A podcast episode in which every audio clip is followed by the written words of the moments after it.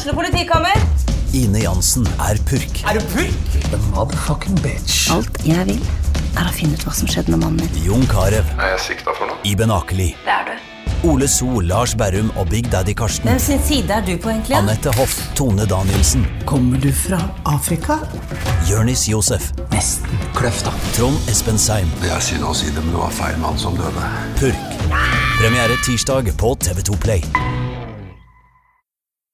Skal jeg starte å synge nå? Og så hopper jeg bare inn på et eller annet tidspunkt. Ja. Ja.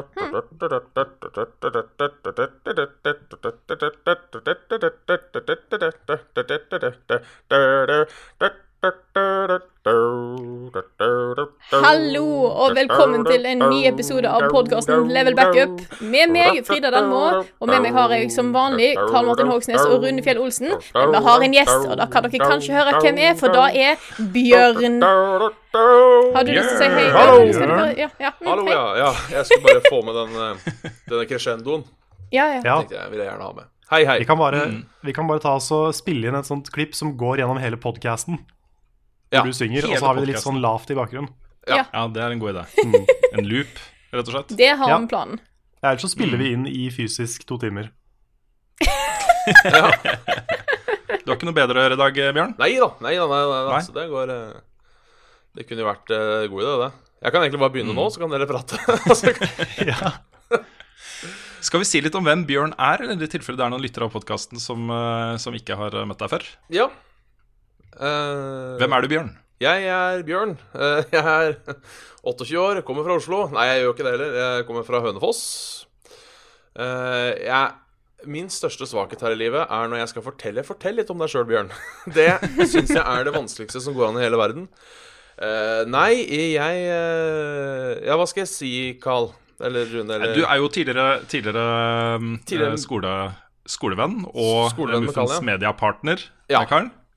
Du har også vært involvert i Level Up. Vi sendte deg til New York for å kjøpe en PlayStation 4. Ja, det gjorde Og til Tokyo Game Show. Ja. og du hadde din egen spalte i Level Up også. ja. Det er, det er bra. Det er, sånn jeg, Ja. det er sånn jeg burde sagt. Og så er du stjernen, en av stjernene i eh, 71 grader no scope. Det er som er også. eh, den flotte, helt ekte reality-serien vi har på gang nå. Ja. Ja da. Yes. Det er ikke et sekund med skuespill i den serien. Nei. Nei. Niks. Eh, Og ikke minst så er det også eh, den andre halvparten av eh, Kosekveld, som snart vender tilbake også på Level Up. Det er sant. Norge på YouTube. Og Og er en også- halvdel av Saft og Svele-podkasten. Ja, det er også, det er også sant. Og og så klart også filantrop og medmenneske. Som jeg liker, å- ja, Ja. som jeg liker å Og Se- kommunekoppsamler og entusiast. Ja, det er, det er en ny ting jeg har fått for meg nå. Eh, nå har jeg som livsmål å samle alle kommunekoppene eh, i Norge. Skal liksom være mitt end goal. Så eh, heldigvis er det noe kommunesammenslåing på gang, da, så jobben blir litt lettere. Det, Ja, men hva tenker du da? Skal du da ha de gamle kommunekoppene? Eller skal du bare ha de, de som fortsatt finnes? De gamle kommunekoppene kommer til å være masse verdt eh, der, Bjørn. Ja. Samlerobjekter. Det, det er sant. Uh, så det hadde vært kult å ha alle sånn det var nå. Um, problemet er at jeg vet ikke har alle kommuner en kopp. Uh, for det fins jo allerede nå kommuner som ikke fins lenger. Uh, det var vel var det ikke på 60-tallet de hadde en sånn ny runde med sammenslåinger. Eller gammel runde med sammenslåinger. Eh, så jeg vet på en måte ikke Fantes det kopper før 60-tallet? Det, det regner jeg med, men om det fantes kommunekopper, er jeg litt usikker på. Så ja. eh, det kan hende at det blir kommunelista fra 2017 er på en måte den jeg kommer til å, til å gå etter. Ja. Det du skulle gjort, er å finne en eller annen sånn liste, um, så gammel rull, med liste over kommuner som fantes på vikingtida. Ja, Og så må du ha noen kopper derfra. det, da, da er vel et problem, uh, om jeg husker riktig, uh, at eh, er det ikke et eller annet Hvis ting er fra før et eller annet år, så har du ikke lov til å ha det? Da må Ah, ja. på museum, liksom. Ja, er det Ja, ikke et eller annet er sånt nå? Jeg husker ikke hva det det året heter, men eh, Men da må du finne ut når det året er, og så tar du fra året etterpå. Ja, det er sant. Ja. Det ble Ja, ja. Start samlinga der. Ja. det er vel sånn år 1200 eller noe sånt, nå, så det burde jo være nok å ta av. Sånn sett. Ja. Ja, da har du et prosjekt. Ja. Alle kommunekopper fra, Mm. fra år Men vi er jo, vi er jo også en, en spillpodkast. Ja. Ja. Skal vi eh, snakke litt om uh, Kanskje Bjørn vil starte? Ja. Hva, Ja. du har spilt i det siste? Ja, øh, hva har egentlig jeg spilt? Fordi det har Det er litt sånn eksamenstider og sånne ting. Men jeg har jo øh, spilt mye Heroes of the Storm, har jeg spilt i det siste. Eh, som er litt smertefullt å si, for jeg har jo alltid eh, viet Jeg skal ikke si jeg via livet mitt, men jeg har alltid snakka nedsettende om Moba-sjangeren generelt, for jeg har aldri likt den.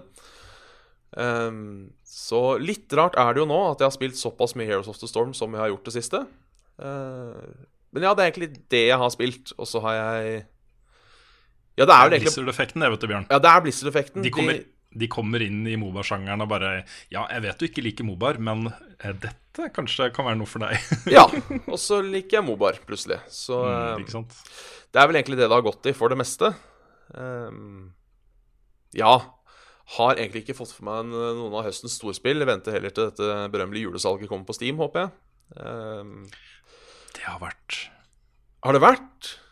Nei, det, var, det var et stort salg for to uker siden, var det ikke det? Jo, Det var ikke det Black Friday? Black Friday. Ja, Black Friday, Salget, det. stemmer det. Det kommer julesalg også. jeg jeg regner med det. Så Ja. eh, det blir stas. Så nei, det er vel egentlig bare det. Har ikke vært så altfor mye gaming eh, de siste ukene. Så ehm, jeg har litt kort å komme med der, altså. Skal sies. Det går helt fint. Ja. Det går bra. Jeg er inne i det samme sjøl. Ja. Ja, Ja. da foreslår jeg at Rune fortsetter, for da har jeg på en måte blitt trenden eh, for meg. Å bare se at det er Rune sin tur neste gang, og så ja, vær så god. Ja, eh, det har ikke vært så voldsomt mye nytt. Men eh, jeg var jo ganske negativ til eh, Curse of Osiris i forrige uke, så jeg tenkte å bare følge opp med en litt sånn positiv ting fra Curse of Osiris, og det er jo nye Raid Lair som eh, kom, og det er jo en De har introdusert det de kaller liksom miniversjoner av Raid. Det skal være mulig å gjennomføre det på 20-30 minutter når du kan det. Um, og jeg ville jo på en måte vente litt med min endelige dom over Curse of Osiris til jeg hadde spilt det. Og det har jeg spilt i helgen. Vi brukte seks timer. Jeg spilte sammen med en herlig gjeng fra Level Up Community. Uh, og det er noe av det beste innholdet i Destiny til nå. Det er en fantastisk uh, spillopplevelse. Så inntrykket mitt av Curse of Osiris ble litt, litt forbedra. Ikke nok til at jeg mener eh, de er helt der de skal være. Det er masse som gjenstår før det spillet der blir eh, så bra som det bør være. Men det var utrolig hyggelig å se skikkelig bra content. Veldesigna, vellaga content. Eh, og litt betegnende også at eh, teamet bak Raidler, uh, designteamet, gikk ut på Twitter etterpå, eh, etter at alle de positive reaksjonene til det kom, da, og bare sa de var så letta. og um, glade for Altså, det var en skikkelig moralbooster for teamet at faktisk folk likte det. At ikke det bare var alt det saltet og kritikken som kommer nå i overalt, liksom. Så eh, kan det være greit å, å tenke på at det finnes mennesker her som ikke nødvendigvis er enige i alle valgene Bungie som helhet gjør, gjør med spillet. Så ja. Men så har jeg gjort noe annet som ikke, som ikke ja, Det handler for så vidt litt om spill også, men uh, uh, uh, det er da en kinofilm som jeg har vært og sett. Som ja. er en liten sånn indie, smal indie-serie. Um, for liksom det, er- Du må være ganske spesielt interessert for å li, like den serien der. Star Wars. Ja, Ja. den- Last Jedi. Det ble, den for, så ble for smalt og sært. Så den, Ja. den droppa Jeg så den også. komme så utrolig lang vei. Ja, Uh, men, men jeg må bare få sagt Jeg skal ikke komme med noen spoilere fra den filmen. Uh, selv har jeg liksom unngått alt av trailere, alt av informasjon. Jeg har ikke lest noen intervjuer med noen som har vært involvert i den filmen i det hele tatt. Ingen forhåndssamtaler, ikke en dritt. Jeg visste ingenting om den, annet enn de slutningene man kunne trekke fra forrige film. ikke sant? Og Det var bare en så fantastisk kinoopplevelse. Og det er så deilig å komme inn i en sal og sitte der og få den derre eh, berg-og-dale-banen av følelser og sitte på kanten av setet og, og være ordentlig investert i det som skjer, da, sammen med andre mennesker. Selv om det er litt mye knitring i godteting og sånt, så, så, så er det på en måte en del av pakka.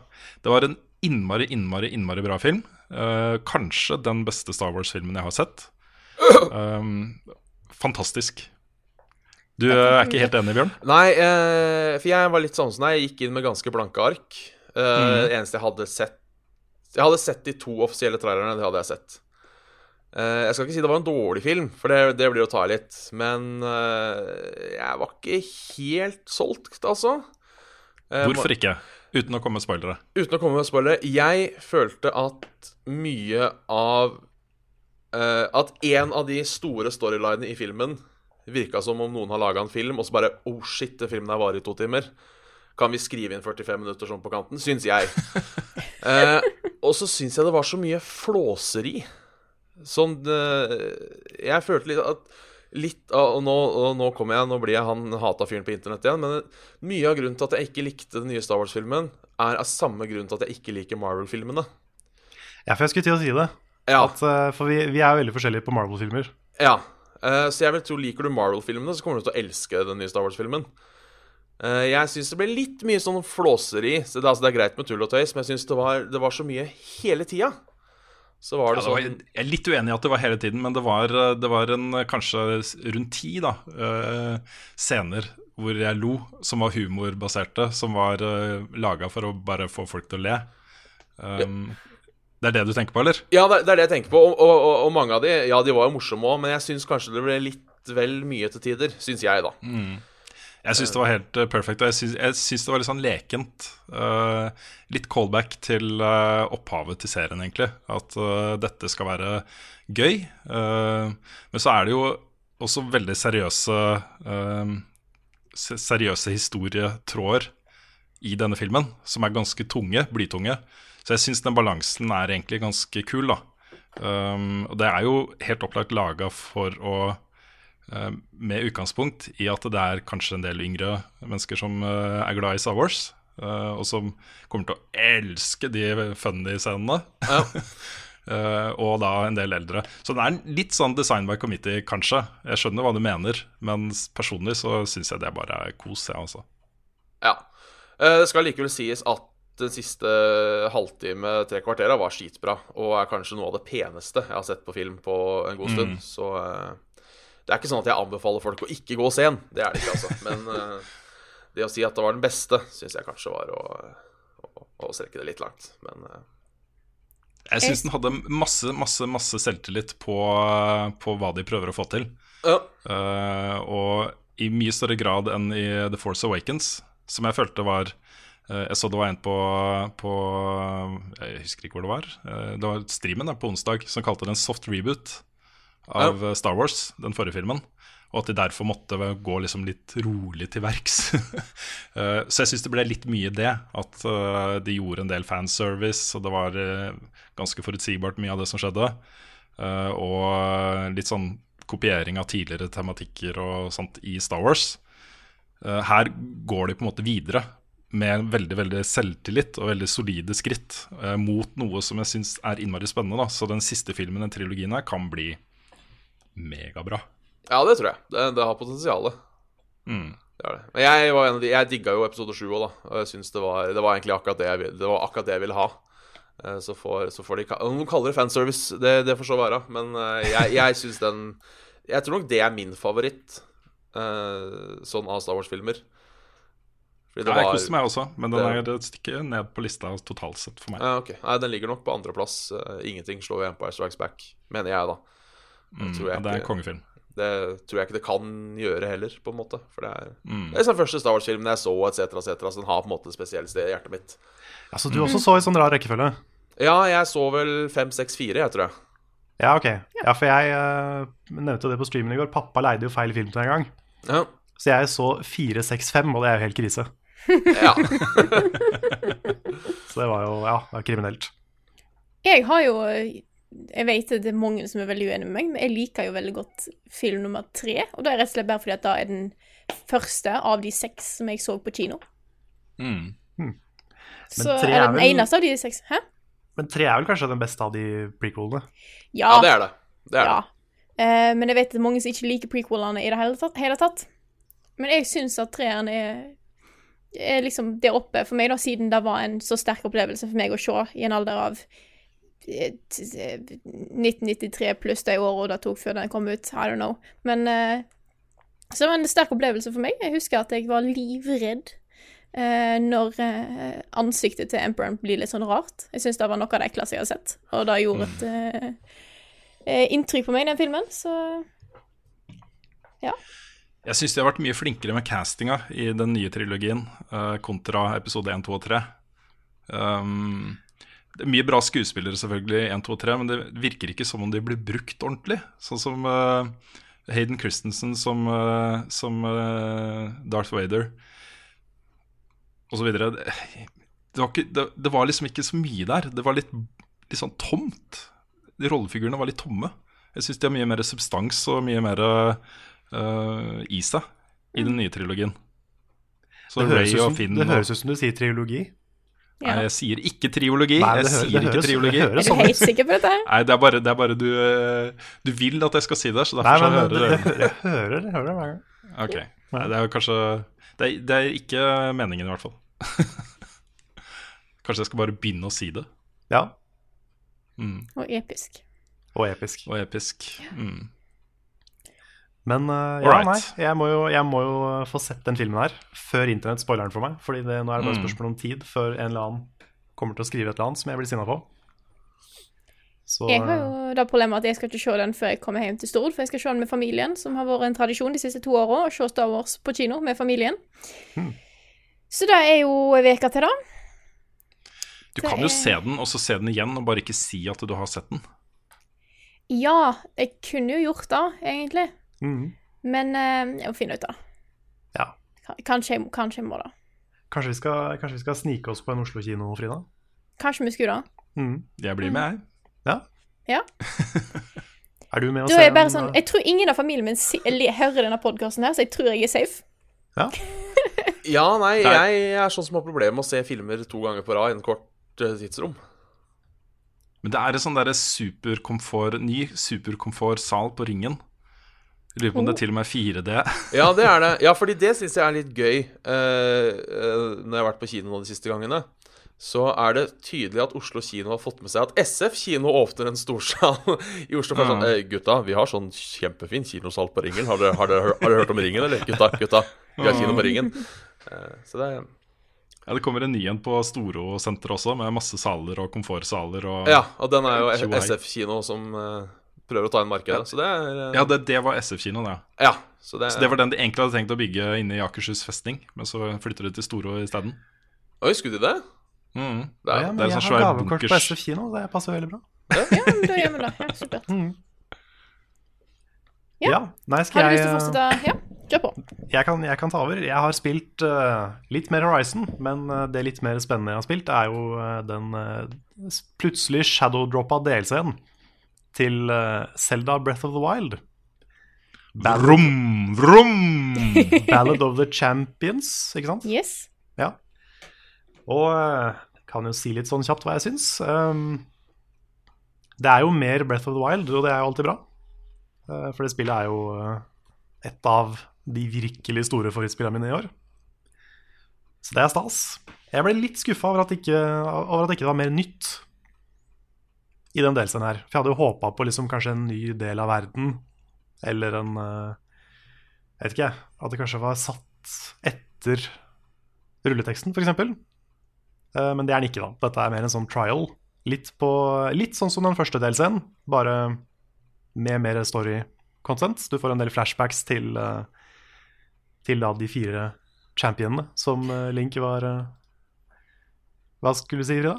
Før noen blir sint på oss i kommentarfeltet, så heter han The Champions Ballad, ikke The Ballad of the Champions. Ah, ok, Jeg måtte The sjekke det. Champions Jeg. Så, nå, så nå, nå trenger ingen å si det i kommentarfeltet. Nei, de har sikkert gjort alt, Ja, sant. Men- det, mm. ja. men da vet vi det. Ja. Så eh, nei, du får, du får litt sånne flashbacks som uh, utvider historien litt til uh, det som har skjedd for da 100 år siden. Um, ja. Det er delt opp i tre. Hvis du, hvis du ikke vil vite hva DLC-en går ut på, så hold deg for ørene nå. Men den, den er liksom delt opp i tre deler. Den første delen er en sånn type Du dreper alt på ett slag, og alt dreper deg på ett slag. Hvor du må, du må liksom spille gjennom tutorial-området på nytt. Hvor det, hvor det er sånn, da. Med en del vanskelige fiender og sånn. Og øh, jeg syns det var ganske kult, fordi du, du måtte være litt stealthy. Jeg liker å spille det litt sånn stealthy. Um, også andre delen er en veldig, veldig lang og utdratt sånn skattejaktting. Hvor du får bilder som du må prøve å finne på kartet. Og det er ganske vanskelig. Uh, I hvert fall noen av de er ganske vanskelig. Så du Jeg blir jo elsker den delen. Elsker den der eh, finne bildene-delen som var i Zelda Breath of the Wild. Ja, det er ikke, det er ikke helt sånn. Å, ja, ikke sånn?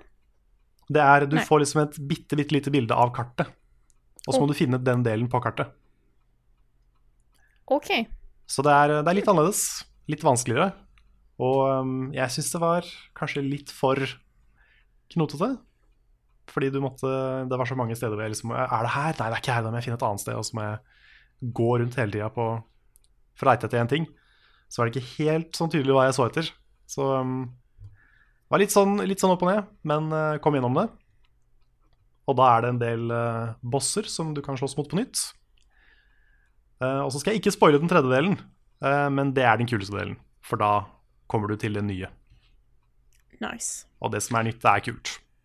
Og når du er ferdig med den, så får du motorsykkel. Da får du motorsykkelen. Mm. Som jeg fortsatt ikke vet om er kult eller veldig rart. Det er veldig rart, men jeg syns jo det er veldig kult òg. ja. Det er jo, jeg, jeg måtte kjøre litt rundt og bare hoppa liksom av setet, hoppa ned på setet igjen, skøyt noen piler. Det, var jo litt, det er jo litt kult. Mm. Det er kult. Men, Da eh, leker de litt med verden. Jeg syns det er stilig. Ja, men det føles jo litt som en sånn rar mod. Ja, ja, ja. Det gjør det. Så, så jeg vet ikke. Men eh, nei, det var, det var kult. Det var morsomt. Men jeg håper jo eh, De hinter jo da til at dette kanskje ikke er det siste som kommer av DLC. Fordi eh, du mangler jo hvis du, får, hvis du gjør alle shrines, så mangler du tre hjerter. For å få liksom to rader med hjerter. Hmm. Eh, og den delelsen her ligger bare til ett hjerte. Oh, ja. Så det kan hende det er to til. Aha. Men det nevnte jeg for så vidt ikke. da Det er jo 16, tror jeg, nye shrines. Det er bare fire av de som gir sånne spirit orbs, men um, det er ganske kule shrines. Så det også er jo stas. Så hvis man liker shrines og puzzles, så er det mye av det. Så det er mye som er bra. Det er, jeg hadde håpa det skulle være litt mer story, litt mer uh, et eller annet, liksom. Som er utafor hovedspillet. Men, uh, men det er, det er mer mer av hovedspillet. Det hadde vært veldig kult hvis de la til et nytt område. At dette foregikk på et nytt område. Det hadde vært veldig kult. Ja. Nå har de jo gjort det litt vanskelig for seg selv da, ved at hele verden her er jo boksa av, liksom. Så de måtte jo lagt til en bro eller et eller annet over eh, et juv eller, eh, eller noe sånt for å kunne få det til. Ja, Men eh, Kunne reist til månen. kunne reist til reist til månen. månen. Ja, Mm. Få en sånn der eh, motorsykkelrakett som du kan kjøre opp i verdensrommet med. Oh yeah. Sånn er sånn der, så det, det har i, så de lagt til GTA, den bike med vinger på, med jetmotor bak. Så da kan du fly litt. Det blir neste delelse. At den, ja. den hestebiken får vinger. Ja. Så kan du Det er en ting jeg angrer litt på, altså at jeg ikke har eh, fulgt med på GTA Online. Det er så mye kult som har blitt lagt til i det, i det spillet siden GTA 5 kom. Ja, herregud. Det er Nå kom sprøtt. det jo den her nye heist-delelsen, Doomsday, som mm. ser så fet ut. Eh, Og jeg husker vi spilte litt heist eh, sammen da GTA 5 kom. Det er så gøy, den co-op-biten, med et skikkelig svært heist med masse ledd og planlegging og alt det der. Og så da gjennomføring. Det hadde vært eh, gøy å spille litt mer GTA Online, altså. Ja, men jeg. Jeg har jo ikke spilt GTA på to år, tror jeg, så jeg kommer til å være noob. Ja, samme her. Det er det, det er det som hindrer meg. Nå føler jeg at det å komme inn i GTA Online nå er jo Du må jo lære deg hele spillet på nytt. Mm. Så jeg vet ikke. Nei, det kunne jo vært en morsom stream, det òg. Ja. Det kunne det vært, altså. Mye på vår Doomsday Heist. men ja, Ja. Hmm. Noe å vurdere. absolutt. Jeg tar Frida? med. Ja. ja. Jeg har fortsatt med mine to, eh, to faste ting her nå eh, i podkasten. Jeg har fortsatt med Xenoblade, som bare fortsetter å imponere meg med, eh, med området og eh, sånne scenic views, som bare er så vakkert. Så det er sånne ting som jeg kun føler jeg ser i Xenoblade-serien. Gigantiske områder eh, som en kan bare se over bare sånn. Shit, det er svært. Eh, det er mm, fortsatt bra. Så jeg hopper videre til Animal Crossing Pocket Camp. Jeg er så nærme nå å få den der musikkscenen som jeg snakka om sist gang. Jeg mangler bare et par uh, cool essence-greier. Så skal jeg få lage Så skal jeg få laga uh, rockescene. Så det er, det er der jeg er nå. ja. Og når du får den, så kan du da kose deg med den tomme følelsen av å ha brukt all den tiden på å få den. Yes. En litt sånn sjelknusende Ja. Jeg tror sannsynligvis kommer jeg til å slutte å spille med en gang jeg har fått levert inn de tingene jeg skal levere i skolesammenheng nå. Nå er det jo en, en dag eh, Tre timer og 17 minutter til jeg skal levere inn oppgaven min. Eh, jeg har veldig kontroll på når den skal inn. Etter det så kommer jeg sannsynligvis til å slutte å prokrastinere så krisemye som jeg har gjort nå. Eh, men eh, da får jeg jo sannsynligvis fiksa den der jækla musikkscenen gjennom Crossing Pocket Camp, og da kan jeg se meg litt sånn ferdig. Litt fornøyd. Jeg har fått det øverste nivået av eh, fancy greier. Men det er noe med det at det er ikke lenge den der følelsen av at du har mestra noe varer. det er sånn akkurat idet den blir bygd, og så er, det, ja, så er det litt trist etterpå. Ja. Da er det ikke noe mer. Ja, jeg, jeg tror det var uh, Hva er det den heter for noe? Han kaller seg vel White Goose, tror jeg. Som er en sånn Golden Eye speedrunner. Han hadde en sånn lang rant om det der. At du sitter og spiller et eller annet Faen, hvor patetisk er jeg? Du sitter og spiller et eller annet brett i tre måneder for å slå en av verdensrekord, og så slår du verdensrekorden, og så er du glad i én dag, og så er det bare en uke med Er det det her jeg bruker livet mitt på? Det er Nesten sånn mentalt sammenbrudd en gang. Det er, det er litt rar følelse, det der, altså. Det er det. Jager en sånn her veldig kortvarig rush. Ja, Det blir trist, da. ja det Det er jul, da! Det er alltid trivelig med jul. Syns jeg, da. Denne uka er vi helt sprø og har to ukens anbefalinger fordi vi har med en gjest. Det er helt, helt crazy tendenser her i denne podkasten. Men da syns jeg at eh, Carl kan få lov til å begynne, sånn at eh, gjesten vår Bjørn kan få lov til å avslutte hele spalten denne gangen. Så Yes. sett i gang, eh, Carl. Ok. Um, dette er en veldig åpenbar anbefaling, men det er også den eneste uka jeg kunne anbefalt dette her. Fordi min anbefaling er det samme som hele Norge har gått rundt og anbefalt de siste par ukene. Det er Jul i Blodfjell. Har noen av dere sett det? Eh, ja, i hvert fall fram til episode åtte eller ni, tror jeg. Okay. Ikke fått sett det. Jeg syns det er um, Nå er jo 'Nissene på låven' uh, kanskje min favorittserie nesten noen gang, i hvert fall når det kommer til norsk humor. Men jeg syns den serien her er så gjennomført. Produksjonskvaliteten er bare helt oppe i skyene, og skuespillerne spiller bra. Jeg har liksom ikke helt det der samme forholdet til figurene som jeg har i 'Nissene på låven', men storyen er så bra. Og uh, man, jeg, er liksom, jeg er genuint spent på hvem morderen er, og sånne ting. For dette er jo en julekalender eh, på TV Norge og Dplay, hvor eh, en stor familie med da tror jeg 24 eh, familiemedlemmer samles for å, eh, for å få arven til han gamle eh, som er i ferd med å dø. Og de må være der fram til julaften for å få arven. Men så begynner noen å drepe folk. Og et offer hver dag. Så da er spørsmålet hvem er morderen, og hvorfor, og sånne ting. Man skulle nesten tro at de har eh, planlagt dette nøye, for det er jo også 24 dager eh, i desember Ja. jul. Ja, Det er rart, det der. Ja. Ja, fordi, fordi det, eh, det er det jeg har, på en måte har å utsette med Jul og Blodfjell, så langt jeg har sett. Fordi jeg har sett, eh, jeg har sett uh, tre julekalendere i år. Eller tre og en halv, da. Jeg har sett Nisse på låven, sett Nissen over skog og hei. Så har jeg sett julekalender, og så har jeg sett Jul i Blodfjell. Og en ting jeg la merke til da, som var så utrolig deilig når jeg da så det julekalender etter å ha sett på en måte de tre andre, var at For jeg òg elsker Nissene på låven. Det er en av mine favoritter noensinne. Men jeg la, jeg la merke til litt i år at det er litt slitsomt de første 10-12 episodene. Fordi du har det persongalleriet med 24 stykker. Sånn på en måte Du blir aldri introdusert for dem, og så går du ut én og én uten at du bryr deg, for du aner ikke engang hvem de er. på en måte Um, Så det merker jeg plager meg litt på Jul i Blodfjell nå. At jeg føler litt på den derre Ja, men jeg bryr meg egentlig ikke om at den personen døde.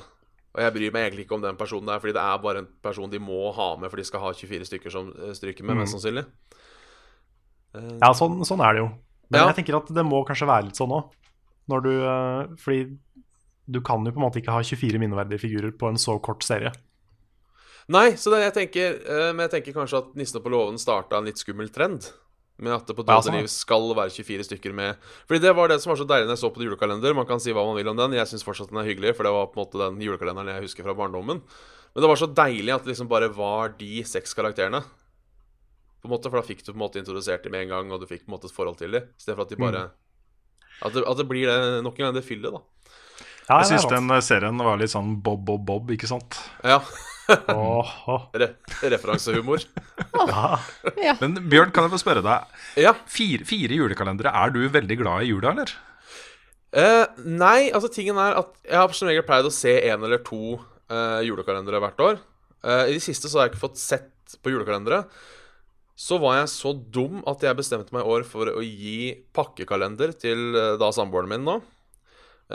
Tips fra meg skal du lage pakkekalender med 24 gaver, så begynn å planlegge i sommer. Ikke begynn å planlegge sånn rundt 27. november.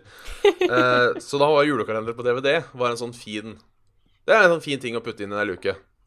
Så derfor har det blitt litt, litt vel mye julekalender i år. Eh, for på en måte å få fylt opp en luke eller tre. Eh, så, men ja, jeg er jo glad i, jeg er jo glad i jula. Eh, det, det er jeg. Ja.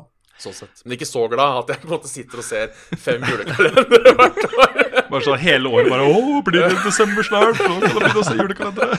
Skal se Snøfall, Julekongen og Ja, ja, Har liksom en liste over ting, og så kommer det en ny bra enhet over sånn Shit, nå blir den enda lenger. Ja, ja, Ja, er ja, og så binge en julekalender hver dag. Ja, begynne å ta ut ferie i uh... Ja, men altså, det tar jo ikke så lang tid. Sånn som Nissene på låven, hvis du lærer deg å spole over introen og sånne ting, så er det jo bare sånn to Nei, hvor langt er det kanskje? Tre og en halv timer til sammen? Ja, tipper rundt 3,5. Så det er liksom tre julekalendere. Er ikke noe verre enn å ha et Ringenes, eh, Ringenes herre-maraton, sånn sett. Nei da. Det Så, ikke eh, litt mye spoling, da. Men jeg er blitt veldig flink på, Ja. veldig flink på å spole. Bra. Jeg er, jeg er en trist person, altså. Det hender. Men det er, det er mine egenskaper. Jeg er flink Jeg lærer meg fort hvor jeg skal spole i DVD-menyer. ja, det er viktig, det. Eh, Viktig ja, i det er det. 2017. Eh, og det tenkt, men jeg har tenkt på hvor mye tid jeg har smart på å lære meg å spole. Uh, I hvert fall fra når man så masse serier på DVD.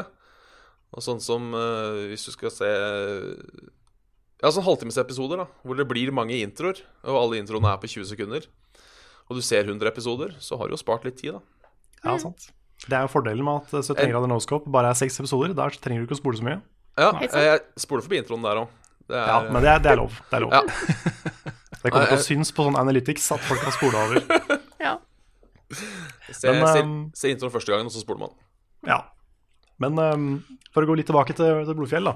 Ja, Det- beklager. Det, det jeg tenker sånn Apropos det at det er så mange figurer, er at man merker jo fort hvilke figurer som er viktige, tenker jeg. Ja, det gjør man jo.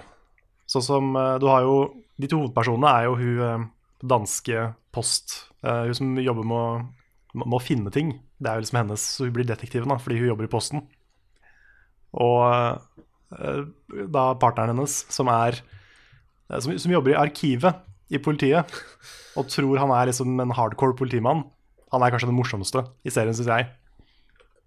Um, og måten de jobber på for å prøve å finne morderen, også figuren til Atle Antonsen er bare helt grusom, men på en morsom måte.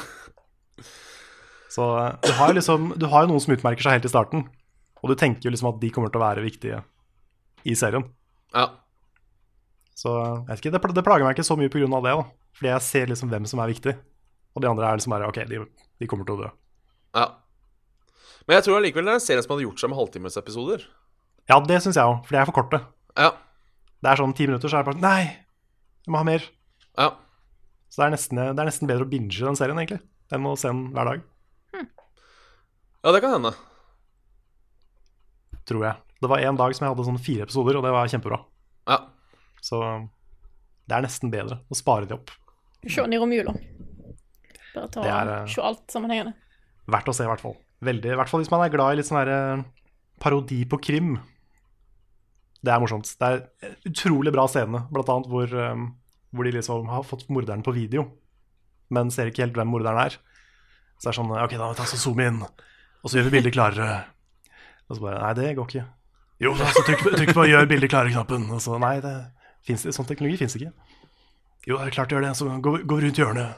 liksom sånn. Og det er som en av favorittscenene mine i serien. Nydelig. Så det er mye, mye bra. Anbefales. Nice. Men da hopper vi videre til Bjørn. som òg skal anbefale noe. Ja, nei, for her uh, om dagen så så jeg uh, NRK de, Nå har de lagt ut halve episodene. En dokumentar som heter Taken Over. Som er en dokumentar om norsk hiphop og dens historie. Uh, jeg vet liksom ikke helt hvorfor den var bra, men jeg ble sittende og se fire episoder. Det, det, er, det er fire halvtimesepisoder. Jeg vil egentlig bare sittende og se alle i ett strekk, egentlig. Eh, tror egentlig bare det er, det er alltid litt gøy å se hvordan ting som er kjempestort nå, hvordan det liksom starta med en kjerne på liksom ti stykker en gang på 80-tallet, og liksom hvordan de tenker på utvikling og sånne ting. Så jeg er jo heller ikke noen sånn super Jeg er litt glad i hiphop. Jeg sånn, det er ikke det som er my thing, liksom, for å si det sånn.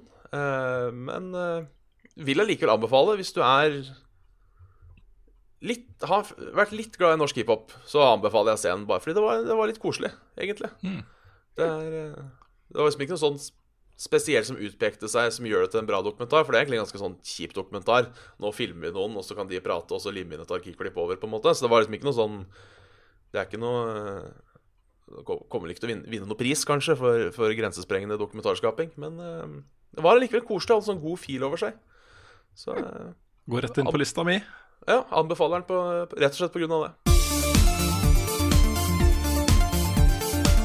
Det er alltid like vanskelig å finne på en ny spennende intro, men nå er det i hvert fall nyheter med Rune, så eh, vær så god. Ja, må jeg først eh, eh, spørre dere, er det, er det lov å banne i den podkasten her? Ja, det er på Ja. internett, så det må Ok, ok, ok, ok. Bare fuck deg, Amandaprisen! Fuck deg! Fuck deg! Jeg syns Amandaprisen kan gå og fucke seg selv opp. Ja. Nei, jeg måtte ta en sånn intro. Vi snakker jo om uh, opptredenen til Josef Fares under The Game Awards eh, 2017.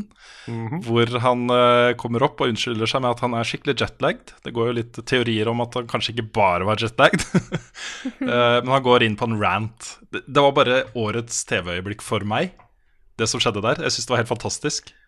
Min favorittdel det var den delen hvor han kasta den der greia og sa I did not hit her, it's not true, it's bullshit. I did not hit her, I did not. og hei, Jaff. Ja, det skjedde ikke. Det var eh, Nei, det noe, skjedde noe annet. Nei, men det var, Jeg, jeg, syns, det er noe utrolig sympatisk over folk som bare I en setting hvor det er forventa at man skal være så ordentlig, at man bare kaster alle hemninger og bare hijacker og er liksom unrail, da. Jeg syns det er utrolig kult å se på. Så jeg ble ordentlig glad i Josef Ares etter den uh, greia der. Men du så jo han programlederen hadde det fælt. Han Ja, ja, det gjorde det ekstra bra. Josef, at han skulle komme inn på temaet, eller prøve å komme videre, men det, det bare skjedde ikke. Nei. Har du sett dette her, Bjørn? Nei, jeg har ikke det. Så oh, det- da send meg en link, så skal jeg se opptak. Ja, det må, det må du se. altså. Det er noe av det beste jeg har sett. Ja, det var Men helt det er sånn fantastisk. Jeg veit fortsatt ikke helt hva jeg syns om det. Sånn, fordi Nei. Første gangen så tenkte jeg å herregud, det her er flaut. Dette er utrolig pinlig og bare helt krise. Men jeg blir litt mer glad i Josef Fares for hver gang jeg ser det. Mm. Men samtidig så har jeg Jeg syns så veldig synd på Jeff Keeley. Ja. Fordi han vil jo bare lage et awardshow, han som er, som er proft. Mm. Han, har prøvd, han har prøvd på det i så mange år, og så er det alltid en eller annen som sier et eller annet dumt, eller sier et eller annet rart som han ikke klarer å styre. Mm. Og så, som i fjor, så var det sånne her eh, utrolig intrusive sponsorer. Sånn barbermaskin-mann. Som man man står der og fistbumpe, og det var mye sånne ting. Så det er det som, eh, det, er det som inspirerte han der eh, Maizito-figuren i episode to av Noscope. Det var liksom, det var akkurat sånn. Mm. Det var liksom, Den figuren er ikke noe parodi engang, det var sånn det var. Ja. Så um, jeg syns jo veldig synd på Jeff Keeley pga. det. Han vil, han vil, liksom. Han prøver. Ja da, han prøver, han prøver hardt, og det var jo et veldig proft eh, show i år også. var Uh, med uh, en, en eh, akseptabel miks av sponsorer og faktisk awards og ikke minst eh, nye announcements. Det var jo flere svære ting som ble annonsa på pressekonferansen. Eh, så jeg syns det var en, et utrolig bra show, rett og slett. Og det var jo litt sånn Hele veien så hadde jo Jeff Keeley hatt veldig stø hånd om dette her. Proff, seriøs, hyggelig, lett å like. alt gikk på skinner, ikke sant? Og så kommer Josef Ares. det, jeg jeg syns det showet trengte det også. Noe som ikke var skripta, noe som var bare fra hjertet. Han snakker jo om eh, spillet sitt, som han brenner for, A Way Out. Uh, hvor han sier at uh, det er umulig å mislike det spillet hvis du spiller det gjennom sammen med en venn. og har gjort det. Så du, Det er helt umulig at du ikke du liker spillet. Ja. Um, Det også er jo utrolig morsomt når han sier at liksom hele verden kan fortelle meg at spillet mitt er dritt, ja. men jeg sier nei. Nei, jeg vet dette er bra. Eh, og det jeg spilte på i intro, var jo at han står jo der ikke sant, og spør Er det lov å banne her. Og da har han allerede banna mange ganger. Og så sier Jeff Keeley ja, det er på internett, så det er greit. Og så er det bare rett i kamera med uh, midtfingeren og fuck, fuck the Oscars! Fuck them! så det var gøy. Ja, gøy. Herlig. Også, også alle de gangene som Jeff Keeley prøver å gå videre. Ja. Det er, det er så mange ganger. Det er sånn der, Ok, nå må vi snakke litt om spillet ditt. Sånn, ja, men vent da, dette er ikke noe sånn EA-bullshit. Og, og mer og mer og mer. Og så, så er han jo, han er jo funda av EA. Mm. Så han, først så sier han et eller annet stygt om EA, og så må han liksom gå litt tilbake på det og si at ja, de har vært veldig snille mot meg. Altså, så, Mm. ja. Nei, det, var, det er et herlig øyeblikk helt til slutten av den ranten hvor du ser uh, at uh, Josef Fares havner på Jeff Keeleys eh, shitlist for alltid. Ja. du ser det i øynene hans. Han er så forbanna. Ja. Eh, og han, gjennom hele den ranten, som varer faktisk er fire-fem minutter eller noe sånt, eh, så ser du at han gjør så godt han kan. Han prøver liksom å lodde litt stemninga i salen og være, sånn, være med uten å være en kødd, liksom. Men på slutten her så bare Faen, Josef Ares, nå går vi videre! ja. ja. Så ja, greit. Men uh, nyheten der var jo uh, releasedato for uh, A Way Out. Uh, det var vel 24. mars? Mars. Noe sånt. ja, mars uh, neste år i hvert fall. Uh, jeg gleder meg veldig til å spille det. Det var ikke så mye ny gameplay som ble vist fram i den nye traileren. Ting jeg har sett før osv., men et veldig spennende konsept. Og han gikk jo også ut, Josef Fares, på Twitter dagen etter og skrev at alle som kjøper en kopi av det spillet, uh, vil kunne ta med seg en venn i co-op uten at de også trenger å kjøpe spillet. Ja, for jeg tror det var det han prøvde å si på scenen. Ja, det Ja. tror jeg også. Det var det han bygde opp til, liksom. Ja. Og der bruker han hashtag, hashtag 'fuck buying two copies' på Twitter. Stemmer. Nei, det er bra. Indie, folkens. Sånn, sånn er det. Den andre store, store nyheten på uh, The Game Awards var jo en innmari lang video fra Death Stranding. Og um, det nye her var jo at eh, de sa dette er rendra in game i PlayStation 4, eh, og at området er spillbart. Altså det området vi fikk se i den videoen, er spillbart. Dette var jo en eh, ganske nøye regissert uh, greie, hvor det er uklart om noe av det er spillbart i det hele tatt, eller om det bare er lagd en slags film av det du kan oppleve akkurat der. Men det var så rart, så spesielt, så creepy, så utrolig annerledes alt annet jeg har sett i et spill før, at eh, jeg trengte ikke å se noe gameplay for å være interessert i det spillet her, altså. Holy De shit, det der var tøft. De får virkelig etablert liksom konseptet, Mm, eller i hvert fall hva tematikk, eh, en del av tematikken er, og på en måte hvor At dette her ikke bare er rart, men at det òg er altså, skummelt Mm. og, og creepy og ekkelt og, og spennende, ikke minst. Mm. Eh, så selv om det var en del ting var sånn Hva var Hæ? hæ? Eh, så er jeg veldig, veldig gira på spillet. Jeg er veldig spent på å se hvordan det blir, både gameplay-messig, men òg resten av historien. mm. Det rareste tror jeg var når du gikk inn i kroppen til uh, Herregud. Norman Reedus. eh, No- Norman Reedus. Og så var det en baby inni der som gjorde en sånn pose, Thumbs up. og så sånn thumbs up, ja, og så ut igjen. Ja. Det var weird. Ja, det var weird. Og det er jo, nå går det jo masse teorier om hva eh, temaet er i spillet. Eh, og det vi kunne se ut fra den videoen, var jo at det virker som om det er to parallelle verdener som eh, krysser hverandre. eh, hvor det er noen skapninger som er utrolig freaky. Som eh, er på jakt etter de som er da i den andre verden, hvor da Norman Reedus og sannsynligvis de du skal spille, befinner seg i. da Men de kan, de kan bare høre det, de kan ikke se det. Eh, og du kan egentlig ikke se dem heller, annet enn i sånn eh, skygge fra regn, og at regnet går av det og sånne ting. Um, men det virker som de er på jakt etter nytt liv eller et eller annet. Så at disse babyene er noe ja, kan det gjenfødelse, jeg vet ikke. Et eller annet. Det mest creepy med de syns jeg var at alle avtrykka var hender. Mm, Det var liksom bare hender. ja. Det var weird. Også, i tillegg til alt det andre. I, I love it. Det er uh, spennende å se når det kommer. Det kan bli lenge til, men uh, ja. Jeg lo veldig på Twitter. Det var noen som hadde photoshoppa inn Josef Fares som viser finger istedenfor den babyen inni. Kjempebra. Um, selve Game Awards eh, ble jo innleda med en helt nydelig trailer fra det neste spillet til Campo Santo. Det er jo de som står bak Firewatch.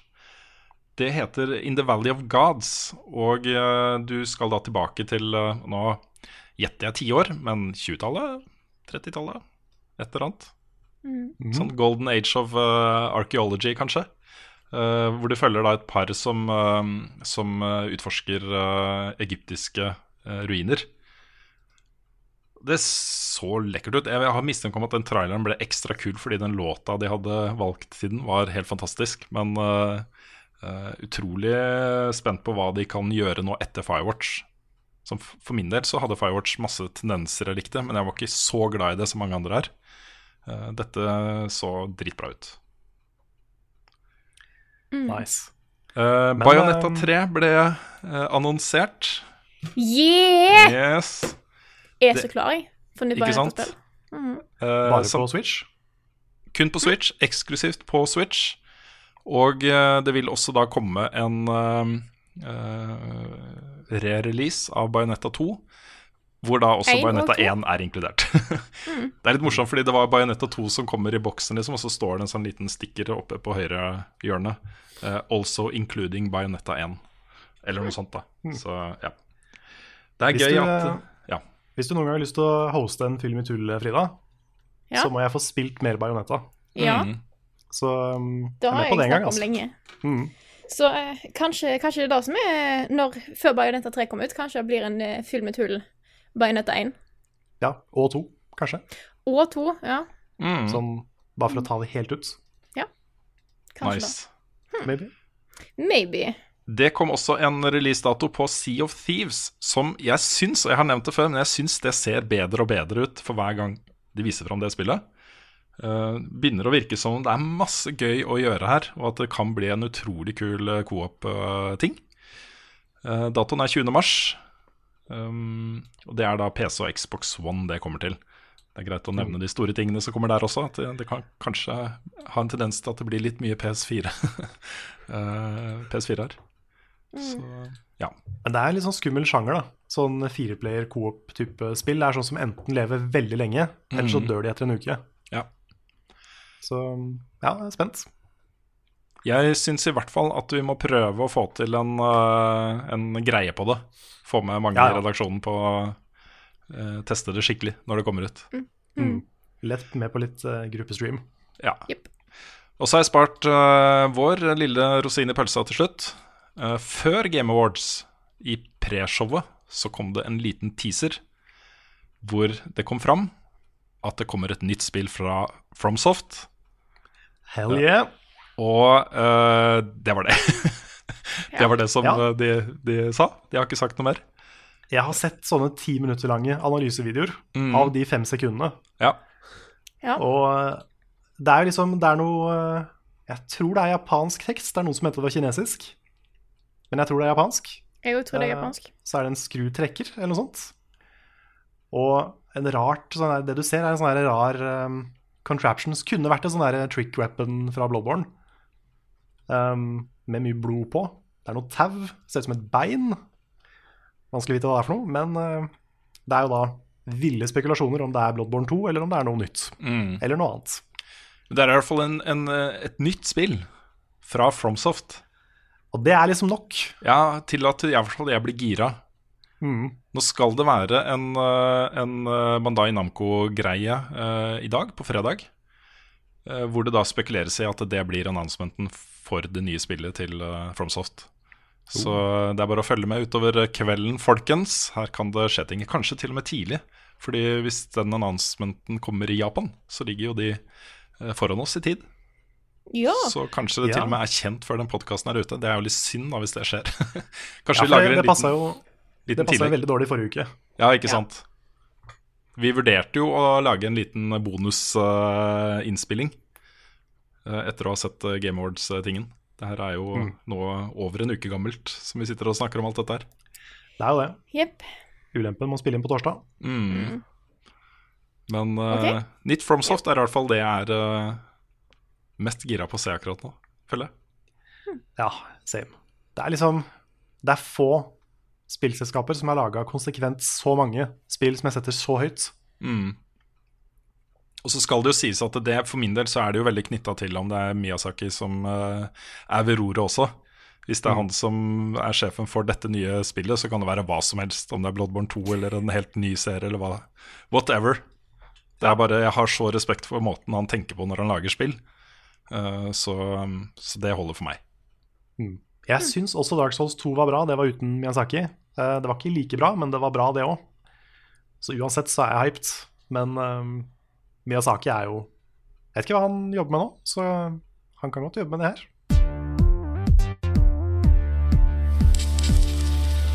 Vi skal selvfølgelig svare på spørsmål i denne podkasten òg, og vi begynner med ukens spørsmål. Barabam, barabam, barabam. Ba.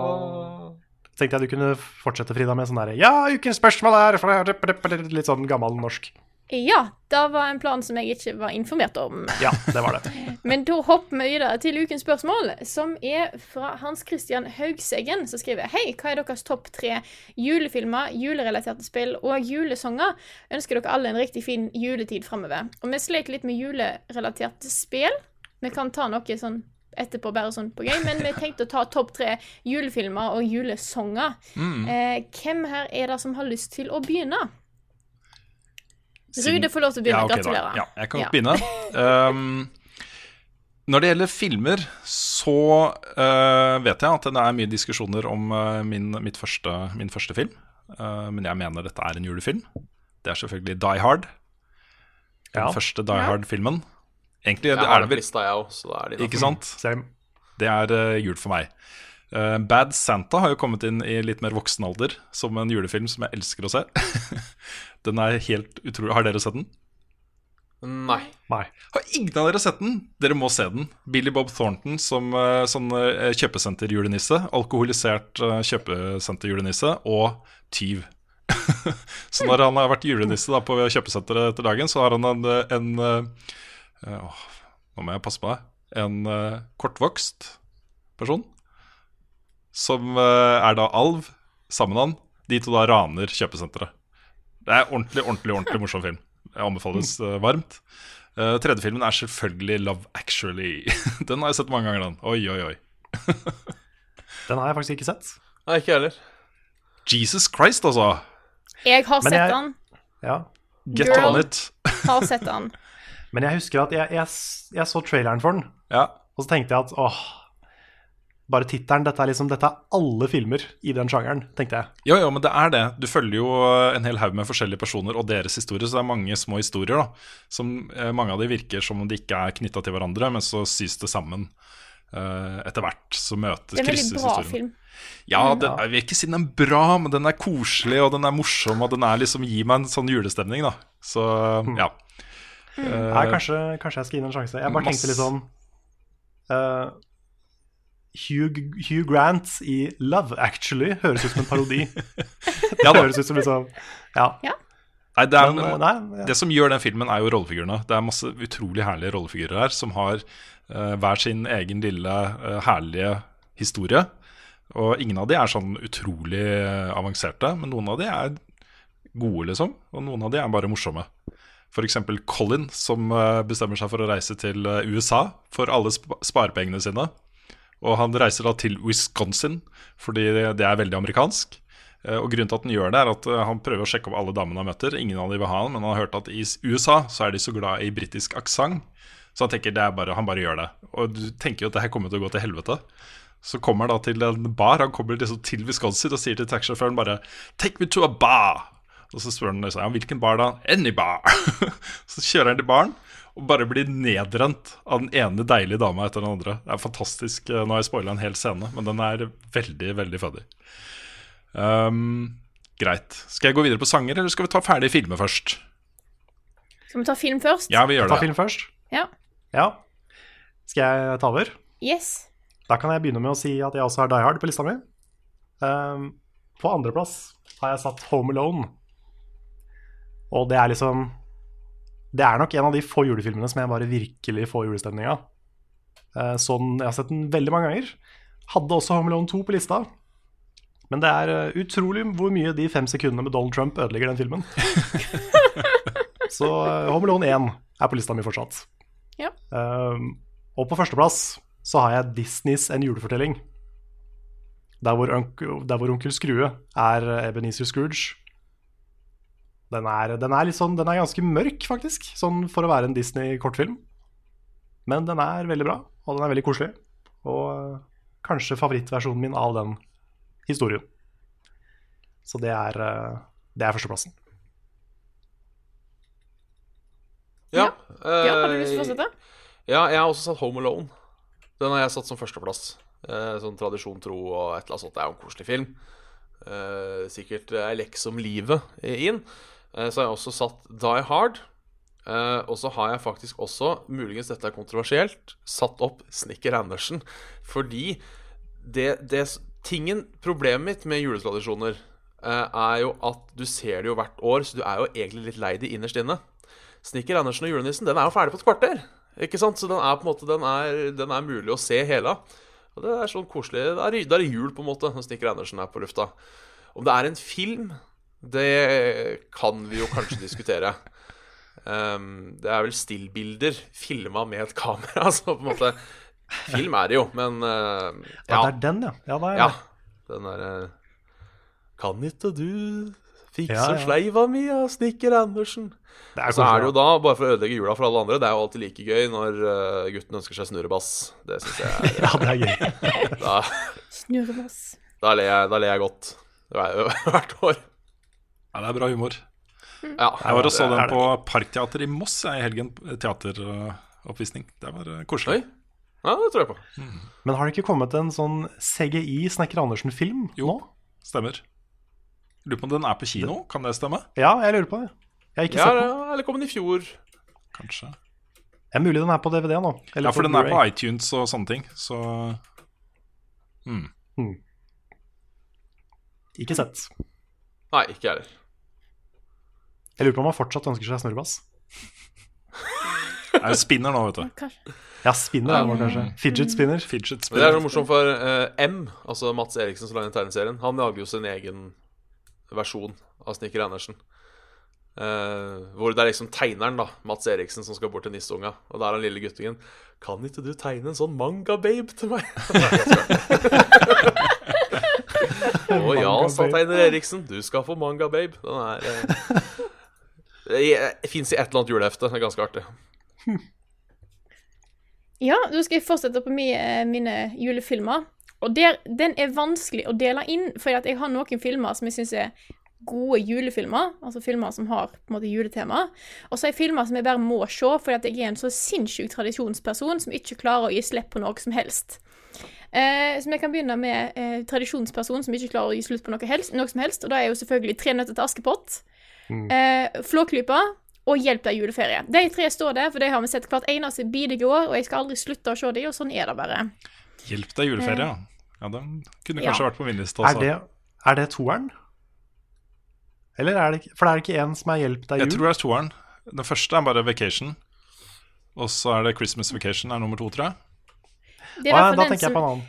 Der de har et sinnssykt stygt juletre, og, og kalkunen er bare helt bæsj. Og det er bare Det er så mye rart som skjer den der, og han er ikke nødvendigvis bra, det er bare vi har alltid bare sett den. Mm. Familien blitt Griswold er jo eh, Ja. dritbra.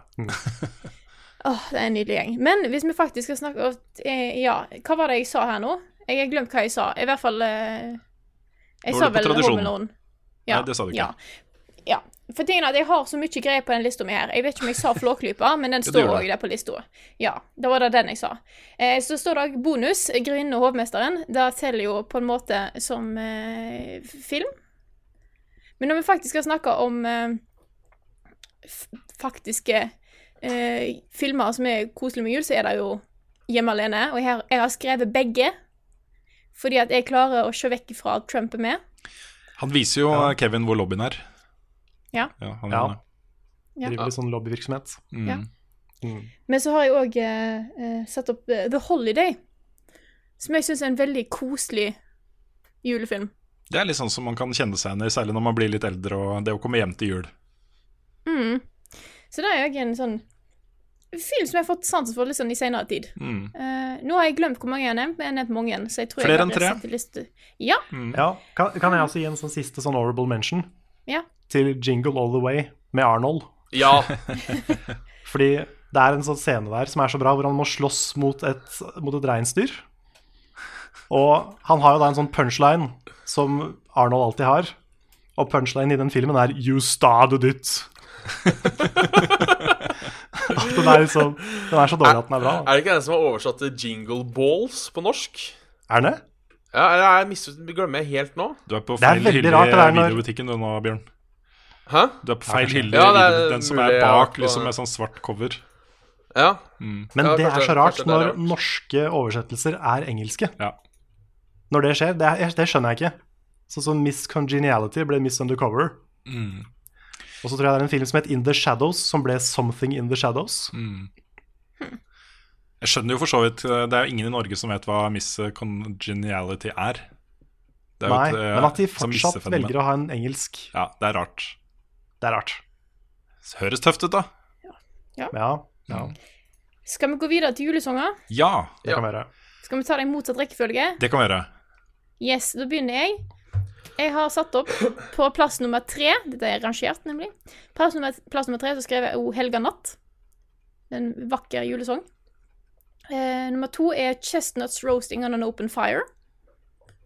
Eh, som ikke kanskje er en, en veldig vanlig norsk julesang, men jeg syns den er Det er en veldig vakker låt òg. Og på toppen, ganske Altså ganske høyt over alle de andre når det kommer til å gi meg jule, julestemning. Det er 'Driving Home for Christmas'. Mm. Chris Ree. Rea? Ja. Ja. Den, den ordentlige. Ja, ja. Den det skal være. Ja, ja. Jeg så jo når jeg søkte opp Chestnuts Roasting on, on an Open Fire, så dukka det opp Justin Bieber-versjonen. Det er ikke den. Det er ikke den. Det er ganske langt fra den. Hmm. Så har jeg bare Ja. Så da er mine tre. Hmm. Bjørn, har du noe eh, uh, ja, uh, det har jeg. Uh, de tre jeg har skrevet opp, er først eh, 1980-tallsklassikeren Do They Know It's Christmas. En ting jeg anbefaler alle å gjøre, er å først se Politiskolen 2 eh, og utover. Så I hvert fall så dere husker han der karakteren den der, øh, Hva heter han igjen? Han som er bad guyen i eneren. Bobcat Å, ja. eh, Goldthwaite eller noe sånt. Ja.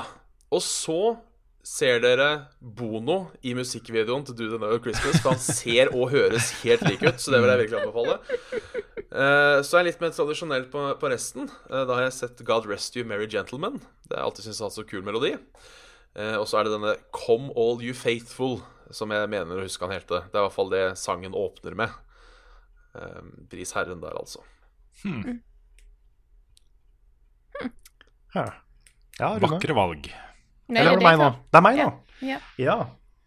Um, jeg er jo ganske lite, lite kjent med veldig mange julesanger. Jeg hører liksom Jeg har sånn spesiell eh, soundtrack-musikksmak, så mine tre er litt prega av det. Men uh, en av dem er jo da Home Alone Theme, hvis det er lov å si. Så jeg hører, når jeg hører Home Alone Theme, da får det, det er julestemning. Ja. Uh, og så er det What's This fra Nightmare Before Christmas. Mm. Den, da kommer altså julestemning. Um, den tredje er litt vanskelig. Hvorfor var det ingen av oss som hadde 'Nightmare Before Christmas' som julefilm? Hva er det for noe? Nei, nei det, altså, den er på lista mi, men den er ikke så høyt. Ok, greit. Men um, Da var det OK. ja. Og så siste er uh, Jeg lener kanskje litt mot Let It Snow. Ja. For den er litt sånn jo jovial og koselig. Mm. Så um, tror det må bli de tre, altså. Ja. Så er jo En stjerne skinner i natt er fin, da. Mm. Ja, den er fin. Den er fin. Men den, den er også problemet mitt med den er det er sånn sang mamma også syns er fin. Så det er litt sånn flaut å si den er fin. Ja, jeg kan ikke si det til mamma. Nei, det er, så nå veit jeg at mamma mest sannsynlig aldri kommer til å høre på den podkasten her, så da kan jeg ja, ja. Så ikke Sten og Strøm jule-CD. Nei, det er min tredjeplass, da. Sten og Ja. Strøm-julesangen. Nei, det er ja, ikke det. Sten og Strøm synger jula inn med Jeg prøvde faktisk å finne den på YouTube, men jeg fant den ikke. Nei. Så den er, nei, den er faktisk Den, den, den dreper julestemninga igjen. Mm. Men den er nesten verdt å høre fordi, fordi den er så Den er så så der. Ja, jeg, fortsatt, jeg mener fortsatt at vi neste uke bør fremføre den, Karl. Ja, da må, jeg, da må jeg reise til Tønsberg og hente den. De kan jo få foreldrene dine til å sende den digitalt, eller er det, er det vanskelig for dem? Ja, kanskje. Mm. jeg vet Jeg ikke. trenger bare å ta den opp med mobilen. Så spille Ja, den, ta sant. mobilen og så sende til deg. Mm. Det beste hadde vært hvis jeg hadde funnet en karaoke. Nei, vet du, jeg skal ikke Du kan, du kan Altså- spille, du har jo sånn der, sånn der orgelting. Ja, sånn iPad-keyboard. Ja, og så kan jeg synge. kan synge. Ja, det er en god idé. Avslutter vi podkasten neste uke med det. Vi Da får har vi se. planen. Mm. Ja da. Jeg er helt seriøs, Karl. Du tror jeg tuller, men jeg er helt seriøs. Nei, jeg, jeg tror ikke du tuller. jeg vet at ikke du tuller. Nei, vi får se. Jeg skal se hva jeg får til. Greit. På min eh, tredjeplass så uh, har jeg også en uh, god gammel sviske. Uh, 'Last Christmas' av uh, Wam. Det er sånn, I hvert fall på Ja. 80-tallet ga det meg vanvittig julestemning. Alle disse kule, voksne eh, folka som var på hytte sammen for, for å feire jul. Og, eh, ja, Masse snø, og de kastet snøballer på hverandre, og så var de forelska i hverandre, ja. og så videre. Det er jo en skikkelig dårlig sang, men uh, I love it. På andreplass er en litt mer sånn uh, jeg liker god musikk-valg. um, Fairytale of New York, eh, The Pogues med uh, Kirsty MacColl. Den, den spiller du overalt hver eneste jul, men det er en skikkelig bra låt, da. Um, elsker den. På førsteplass har jeg også uh, O helga natt, men eh, jeg vil gjerne utvide den litt. Uh, det er liksom Jussi Bjørlings versjon som er mest kjent her i Norge. Svenske operastjernen. Um, den er også sunget i veldig mange forskjellige versjoner på engelsk, som eh, Oh Holy Night. Og så er det da den franske originalen, uh, Cantique de Noël, Noël eh, fremført av Pavarotti helst, som jeg syns er aller, aller best. da Den er helt fantastisk. Eh, så vil jeg også legge til at Røyksopp har lagd en utrolig fet uh, elektronikaversjon av den, som den heter også da Cantique de Noël. Fins på Spotify osv. Den er råbra. Så um, det er julesangen over alle julesanger for meg også. Og Det er særlig ikke sant, det der refrenget. Altså, når de kommer til Det er noe med den som bare jeg får gåsehud av å bare tenke på det. Jeg synes Det er helt uh, Det er bare en utrolig bra låt. Punktum. Mm. Så det var mine. Yes, men da eh, Ja, da har vi eh, hvis, hvis det er noen som har noe julespill de har lyst til å på en måte ha, ta opp Jeg kommer ikke på en ting, jeg. Nei, ikke er liksom Det er bare Ja. spill man har spilt i jula. Det er som akkurat det. Knights of, the Old, Rep- of the Old Republic vil alltid være et julespill for min del. Tomb Raider. Uh, uh, Vice Mm. City. Men jeg vil liksom ikke akkurat kalle si at Vice City gir meg julestemning, sånn sett. Zelda Twilight Princess og Wii Sports. Mm. Ja. Mario Kart 64. Banjo Mm. Kazooie. Der er det en juleverden, da. I hvert fall. Nærme nok. Nærme nok. Ja, close enough. Men da hopper vi videre til eh, til de andre spørsmålene. Og nå har jeg eh, eh, hatt Nå har jeg glemt hva spørsmålet jeg har valgt ut, så jeg må bare gå litt igjennom det. Eh, vi har fått et spørsmål fra Grimrock Grey, som skriver I disse lootbox-tider er dere bekymra for at Kinderegg går med i dragsuget om lootbox forbys. uh, nei. Tror ikke Kinderegg Altså- står eh, er, er i frykt for å bli fjerna. Nei, altså der, der tenker jeg at der kjøper jeg Kinderegg for sjokoladen. Det gjør ikke Ja, ungene, da, hadde jeg vet du. heller, da hadde jeg heller kjøpt en Kinder Bueno, liksom hvis jeg ville ha sjokoladen Det er ikke det samme. Ja. Smaker ikke likt. Nei, det smaker ikke helt likt, Nei. men uh... Altså Det gjør jo egentlig det, men det føles ikke sånn. Det er Nei, samme. det, der kan jeg være enig. Ja. Det, Det er noe med følelsen å ta det egget fra hverandre og så spise først den ene halvdelen av egget og så den andre halvdelen av Ja. egget. Ja, fordi du kan, du kan si du kan kjøpe Kinderegg for sjokoladen, men, men du kan ikke kjøpe lootboxen for papiret. Nei. Exactly. Ikke sant? Du får jo uansett sjokolade. Ja, ikke sant? Det er Ja. det. Så selv om ikke leken er tipp topp, og det også er jo uh, For ungene så er det jo leken som er det viktigste. Og min erfaring er at de blir fornøyde, de uansett hva det er. Så har de fått en leke, og så hender det at de bytter med hverandre og sånt, men, eh, men de er aldri misfornøyde med det de får der. Nei, og så det- og så har du, I Kinderegg så har du heller ikke risken av å få fire grå ting hvor tre av de er duplicates, på en Mm. måte. Så eh, Ja. Nei, det det er sant. Men jeg lurer på om det fins folk som har svidd av liksom titusener av kroner på Kinderegg for å få den ene leka, og så har de ikke fått det. Det hørtes veldig mye ut, for de fleste av de kommer jo i sånne serier. Ja. Mm. Liksom, I den serien her så er det de lekene. på en måte. Mm. Men tenk om hvis du er samler, og så vet du ikke helt hvilken serie du har kjøpt. Ah, shit. Da er du en dårlig samler. Ja, da er det en Ja. dårlig samler. Ja, ja, det er du. Det er Da, du da har du ikke koll, rett og slett, så da kan du finne noe annet å gjøre. Men, men kan, du se, kan du se hva slags serie du kjøper? Ja, det Hvis du kjøper sånn tre pakk, tror jeg. Ja, så er, Ja, okay. er du vel bak, bak på pakka. Mm. Men jeg iallfall å huske. Den eneste serien jeg kan huske, er den krokodilleserien som var en gang midt på 90-tallet. Det er den eneste serien jeg kan huske fra Kinderegg. De, Hmm. de hadde jeg mange av. Hvis du har, hvis du har brent deg økonomisk på Kinderegg, så vil vi gjerne høre historien din. Ja. Ja, det, er vel, det fortjener en dokumentar, rett og slett. Ja. Det er det. Men poenget til Kurt Inge der er jo eh, litt sånn overført. Nå er det så mye snakk om lootboxer, og så fins det jo andre ting i samfunnet vårt som har de samme mekanikkene, inkludert da Kinderegg og Pokémon-kort og Magic-kort og sånne ting. eh, Som også har, litt, eh, har de samme mekanikkene, da, hvor du ikke helt vet hva du får. Så um, eh, det kan jo være greit å i hvert fall eh, tenke på at, eh, at spill ikke er det eneste som, eh, som eh, spiller på at folk ikke helt vet hva du får, og håper de får det eller det eller det, og så får de ikke det likevel, og så må du kjøpe en ny pakke. Så ja. Er Men jeg kunne aldri tenkt meg å kjøpe et nytt Kinderegg fordi at jeg ikke var fornøyd med leken. Da hadde jeg kjøpt et nytt Kinderegg for at jeg ville ha mer sjokolade. Mm, Ja. helt enig. Så er det jo bare den der lille tilfredsstillelsen av å sette sammen den leken, for den kommer jo ofte da i minst to deler, som må settes sammen Ja. på riktig måte, og kanskje sette på noen klistremerker. Så er jo det noe, det også. Det er gøy. Jeg sliter er så veldig med de det klistremerkene. ja. Ja, jeg, sliter så veldig med de, fordi de er så små. Mm. Og så må jeg ha de rett, og så blir det ikke rett. Hmm. Der er jeg ganske god. Du er det? Mm. jeg har Jeg små fingre, å sette på små klistremerker. Hm? Jeg stiller meg med kaldt på den. De eh, klistremerkene kan være et sant H Ja. for å Rett og holde det barnevennlig. Et, sa- et sant helsike. Et sant helsike, ja. Ja. Det er bare styr. Ja. Ja, eh, da skal jeg bare ta vekk det som allerede på en måte har svart på. Skal jeg mye, skal jeg mye. Ja. Jeg lurer på om eh... Nei, men i alle dager, da. Hvor ble det av? Jeg hadde jo funnet spørsmålet, og så bare forsvinner det. Men for noe teit greier. Det var han, ja.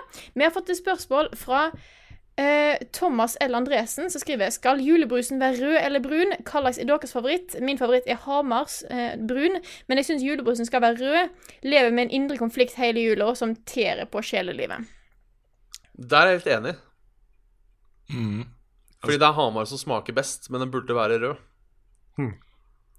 Jeg har funnet at eh, For meg, det, har- altså Det fins ikke brun julebrus på Vestlandet. Sånn er det bare. Eh, så jeg har jo vokst opp med alt som er av rød, rød julebrus. Eh, og testa først da eh, Hamar Lillehammer sin brune julebrus når jeg flytta til Trondheim. Og den syns jeg er best av de brune, og det er fordi at han smaker veldig likt som Lerum sine røde, som kom på halvlitersflaske plastflaske. Den er the shit. Ingen kan, ingenting kan slå den. Eh, Da er dessverre òg på pris. Den er en av de dyrere, dyrere du får. Eh, Men den smaker veldig likt som eh, Hamar Lillehammer, så jeg anbefaler å teste den hvis dere kommer over den. Lerum. Rød plastflaske. Hmm. Det er mitt uh... Jeg gir en thumbs up. Det slo meg nettopp at uh, Webkamera ikke skal være med på podkasten, så derfor må jeg fortelle. ja, ja. Yes. Det kom en, det kom en thumbs up fra Bjørn. Ja. Jeg eh, drikker cola mest. Ja. Jeg har Jeg ikke er noe ikke, så, sånn jeg er ikke så veldig inntil julebrus, altså. Jeg er litt der sjøl. Jeg, er øh, jeg er glad i julebrus, og det gir meg litt julestemning. Men uh, da tar jeg det som er tilgjengelig. Og så bør den helst være rød, da. Men uh, utover det så tenker jeg ikke så mye over det. Det er alltid Det er en stor diskusjonssak, spesielt i studentmiljø og sånt, der det er veldig mange eh, samla på ulike steder i landet. Da blir det alltid litt krig om, om en syns julebrusen skal være rød eller brun, og det har vært ganske heftige diskusjoner oppe om dette her. Men det er en sånn ting som jeg har lurt litt på. Fordi du har både, både den diskusjonen der og den med ananas på pizza. Ja. Det er liksom en sånn ting som alle gjør seg opp en veldig sterk mening om, ikke sant? Ja. Men er det noen som faktisk blir sinna på ordentlig? Uh, i- på ananas på pizza, ja. Der blir jeg litt Ja. sint. Jeg føler at vi må gå videre nå ganske fort, Ja. før det blir amper stemning her. uh, ja. Vi tar neste spørsmål her, som kommer fra Anders Dette er grunnen til at jeg blir så engstelig. Nei, men ta spørsmålet her fra Anders Berge som skriver Hei, jeg husker for en stund siden at Rune anbefalte Mindhunter på Netflix. Jeg er familiefar med til tre små barn som har en solid backlog på det meste for tida. Likevel har jeg alltid hatt interesse for filmer som Seven Signs of the Dam, Zodiac og serien True Detective. Jeg bestemte meg for å prioritere denne serien nå innimellom bleieskift, eh, nattevåk, lekse og klesbretting. Eh, en ganske bisarr kombinasjon, kan man si. Ble ikke skuffa. For en serie. Tusen takk for anbefalingen, Rune. Bare hyggelig. Når det er sagt, når, um, når det er sagt For noen år siden så kom jo LA Noir ut. Derfor lurte jeg på om dere har noen tanker slash håp om et nytt detektivspill snart. Det hadde jo vært episk. For min del kan det komme ut i 2018, sånn at jeg kan spille det om ca. ti år. Ja, Hello Fellow Dad kan jeg jo starte med. Um, Det kom et spill i år som jeg tror er akkurat det han ser etter. Observer. Som jo er et detektivspill. Du spiller en detektiv som kommer inn på crime scenes og skal gjøre research og finne clues og Ja, er det, er det samme sjanger? Ja, jeg vet ikke. Hvis det er på en måte den der jakten på mordere og sånt han er på jakt etter, så, så er det det. Det er ikke akkurat samme Ja. sjanger. Nei, fordi jeg også savner litt den der Ellie Noir-stilen. Mm. Jeg fikk det litt mer i, uh, i Phoenix Wright, faktisk. Ace Mm. Attorney. Der følte jeg litt den. Og det var ganske kult. Mm. Um, Det kommer det jo snart nytt òg, til Switch. åh, det blir bra. Og så har de jo Også- Detective Pikachu, som det går Ja. rykter om at skal få en eh, internasjonal uh, release også. Kanskje. Mm. Jeg tenkte på et annet spill òg. Hva var det? Jo, um, den serien som jeg plutselig fikk i fanget i fjor, tror jeg. Sherlock Holmes. Mm. Ja. De spillene hadde faktisk en del kule ting i seg. Ja. Så um, de er ikke sånn super trippel A. Det er litt, litt lavere produksjonskvalitet enn mye annet, men, um, men det er gøy. Jeg vil også trekke fram Condemned-serien. Ja, jeg skulle til, skulle til å si det. Ja, den var Hvis, eh, stilig. hvis han er sånn som henger ti år etterpå. Det, det var veldig kule spill. Og særlig hvis når han nevner at han liker Seven og sånne seriemorder, mørke seriemorderfortellinger, så er jo det right up his alley. Mhm. Masse bra tips der, altså. Ja, jeg lurer på om, jeg lurer på om det er tilgjengelig på, på sånn uh, bakoverkompatibilitet på Xbox One. Kan hende. Ja, for jeg kan personlig si i hvert fall at uh, PC-versjonen kjører som noe som ikke kjører. Uh, det, det var helt eh, Jeg prøvde å spille Content 1 igjen på, på Steam, og det, det bare funka ikke. I hvert fall hos meg, da. Så, eh, Godt eh, tips. Ja, Da eh, hopper vi videre til neste spørsmål her fra Jeg må bare, eh, jeg må bare, si, en, jeg må bare si litt ting, for det er litt morsomt med Discord-videochatten. Discord Så da, da, som kutter av ved sidene. Nå ser det ut som noen holder mikrofonen til Carl. Ah, ja. Jeg syns det er en hånd som kommer inn på siden der og holder mikrofonen til Carl. Jeg er ikke aleine. Interessant. ja, du holder mikrofonen din sjøl, gjør du ja, jeg gjør det. Jeg gjør det. Ja. Det er ikke en Det er- annen person her. Det er så interessant at Discord å bytte litt på hva som er på en måte kutta ut. Vanligvis er min venstre side pleier å være kutta ut. Ven, ja, venstre. Den, den, Ja, den jeg sida har her. fullt bilde, jeg nå. Ja, Ja, jeg òg. Nå er det kun på botten. jeg også. På alle sammen. Wow. Ja, Ja. nede er det litt Nå får jeg plutselig sju fingre og litt sånt, Ja. men uh... Dette er veldig gøy for de som hører på og ikke kan se dette vi kjempemorsomt snakker om. på. Dette er et Ja. godt argument for å endelig gjøre dette til en videopodkast. Ja, Det er det. da det, er, er det. vi får eh, kanskje 2018. Kanskje 2018. Kanskje. Kanskje 2018, ja. Vi tar nå endelig neste spørsmål, som er et spørsmål til Bjørn fra Edvard E. Nordbakken, som spør hva har du holdt på mellom eh, Hva har du holdt på med mellom forrige gang du var med i Level Up og nå? Ja, det er jo ikke så altfor mye spennende, da, sånn sett. Sånn i hvert fall for uh, folk. Jeg har jo drevet med Saft og Svele. Det kan jo være spennende for folk. Det er veldig bra Eh, podkast, da. Du har den sammen med Svendsen. Ja. Den er kjempekoselig. Jeg og Svendsen, som jeg vil tro folk kjenner til her, altså Jan Martin. Eh, vi er vel oppe i 130 episoder nå. Eh, live på YouTube hver torsdag klokken 20.00. Eh, så det er bare å titte innom. Det er vel egentlig det jeg har drevet med som er tilgjengelig på internett. Ellers så har jeg begynt på, på skole igjen. Jeg har nå blitt BI-student. Eh, merker jeg, ikke, jeg, er ikke, jeg er ikke helt demografien, merker jeg bestandig, når jeg ser mine medstudenter, men ja, det er vel egentlig det jeg har gjort. Slutta jobben og begynt på skole.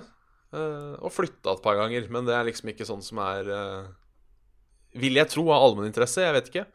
Syns dere det er gøy å høre at noen har flytta? Er? Du har jo, du har jo blitt litt sånn conman. Ikke conman, ikke conman. Ja, ja, eh, kom. Ja, jeg har blitt mer involvert i, i Desicon. Det har jeg også jobba mye med. Um, så jeg har gjort litt der òg. Men det er sånn, det er jobb. Jobb, på en måte. Så jeg vet liksom ikke helt hvor spennende det er at jeg sitter der og planlegger ting. Men uh, det har jo gått med en god del tid på det òg. En ting, Skal sies. en ting som jeg lurer litt på nå, fordi du Karl nevnte jo at, øh, at øh, da du begynte på, på høyskole, så kom liksom Bjørn inn som en sånn friskt, morsomt pust, og du tenkte at han ville jeg bli kjent med fordi han var morsom. Åssen er du på BI, Bjørn? Er du, er du sånn du sitter bakerst i klassen og kommer med sånne artige kommentarer til det læreren sier og sånt? Nei, faktisk ikke. Uh, fordi Altså, de, de gangene jeg prater, så er jeg morsom. Uh, jeg har fått et par lattere. Uh, men allikevel så er det Den standard BE-studenten er så langt fra meg, på en måte. Så det er Det er ikke noe kjemi der, på en måte. Jeg, jeg tror ikke de ler av samme tingene som jeg ler av, etc., etc., så jeg har ikke prøvd så mye. Uh, og så merka jeg det nå som jeg studerer for andre gang. Og liksom jeg har allerede et sosialt nettverk i Oslo etc., etc., så er jeg på en måte ikke ute etter å bli kjent med folk heller. Uh, så jeg har kanskje vært litt tilbaketrukken. Uh, det har jeg. I, uh, så det er litt sånn sitter, sitter midt i og holder kjeft, som regel. Med mindre jeg har noe vettet å komme med, da. Så jeg er, nok, jeg er nok litt annerledes der, ja, enn i mine NTH-dager. All right. Det blir ikke så mye luftgitar-ting. Nei, det, det, det blir ikke Carl. Det gjør ikke det. Har jeg blitt igjen? Ja. Ja, nå Ja, pleier nå får dere se hva som skjer når vi uh, av og til tar opp uh, lyd. det, kom, det kom en lyd fra Vent, da. Ja, for jeg har hørt det som plung. Ja, ja, det kom Ja. en plong. Hva gjør vi nå? Det var sånn det starta. Det kom et plung. Og siden da så har jeg hørt Det kom et plong, og siden da så har ikke livet vært det samme. Jeg syns vi kan fortsette, men at du prøver å kompensere ved å snakke litt høyere toneleie. Så kanskje du treffer Hvis jeg prøver å snakke litt høyere Ja, det er nesten Ja, det er nesten. Du høres, du høres fortsatt ut som om du er med på en eller annen dokumentar og ikke vil vise Ja. trynet ditt. Jeg tror jeg, må, jeg tror jeg må starte Jeg kan hoppe ut og inn igjen, jeg. Gjør det. Det vil si, jeg må jo stoppe opptaket, da. Må du stoppe opptaket? Ja, men det er bare det hele, ikke ditt opptak på. Så, ok, så vi må ta ny synk og hele pakka. Ja, vi må det. Ja. Da kommer det en vignett nå, og så er vi tilbake igjen straks. Yes. Ja.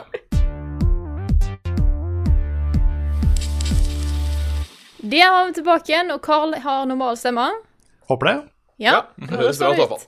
Da har vi kommet til den delen av podkasten der jeg skal spørre dere om dere har funnet noen spørsmål kjapt som dere har lyst til å ta opp. Jeg har funnet et uh, denne uka her. Egentlig Ja. funnet flere, for jeg tenkte det var litt flaut sist. Ja. Um, kjære- Svare kjapt på eh, to av dem.